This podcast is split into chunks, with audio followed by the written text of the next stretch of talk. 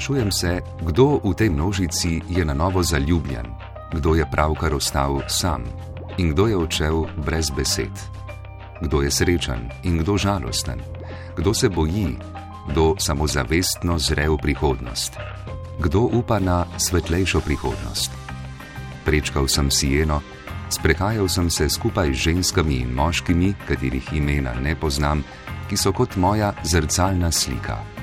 Naša srca bijajo kot eno, mi smo ena celota, živi smo.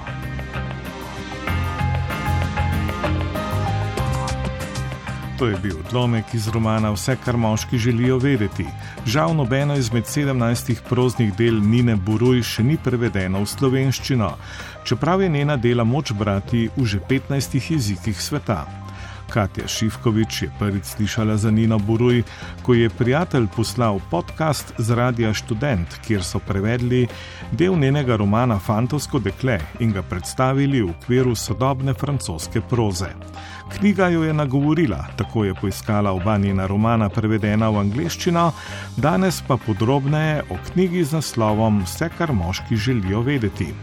Knjiga, ki je v bistvu jaz bi lahko rekla, nek dnevnik oziroma mozaik refleksij ženske glavne, glavne osebe.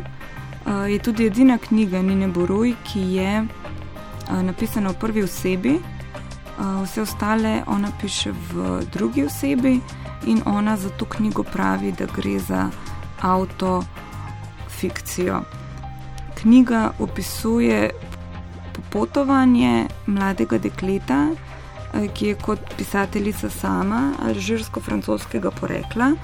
Uh, torej, pri rosnih um, letih že pobegnejo iz čudovite rajske, vlažne, peščene Alžirije v Francijo, kjer potem ona v najstniških letih začne z raziskovanjem sebe kot take, se pravi, identitete, kako sem postala uh, takšna, kot sem, zakaj razmišljam tako in pa predvsem tega glavnega vprašanja, ne, uh, kdo, kdo sem.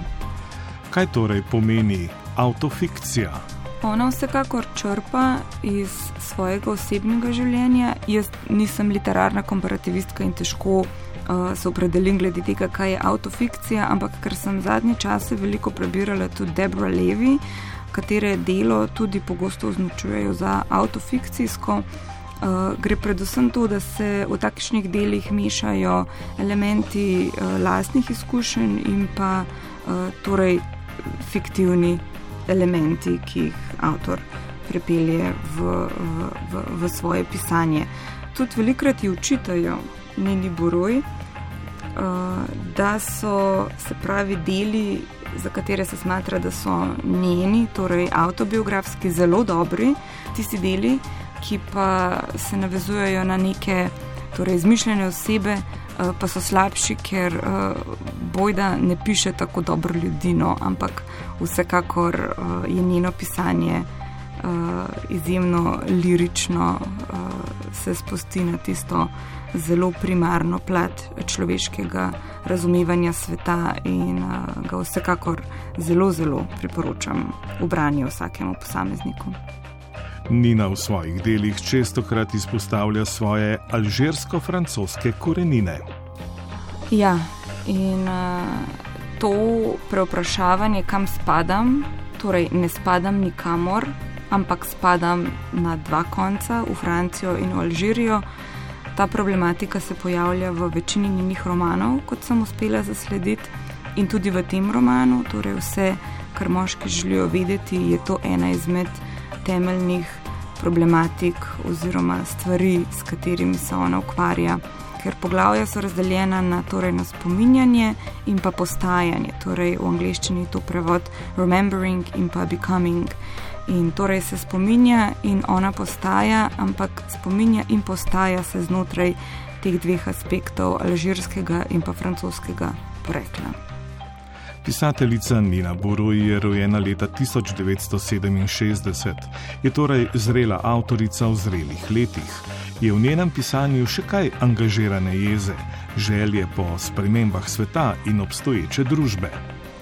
Se mi zdi, da ona kot avtorica je vedno na strani razumevanja. Uh, jaz, ko sem prebirala torej njeni obe knjigi, nisem začutila veliko uh, neke jeze, želje po, um, po hitrih spremembah, um, ampak predvsem to, da um, željo po tem, da sebe uh, svobodno pozicioniram v ta svet, za katerega se s tem, da se jaz izboljšujem, pač izboljšujem tudi svet na ta način. Če je Nina Buruj velika literarna zvezda doma v Franciji, pa jo bralci drugot poznajo relativno slabo.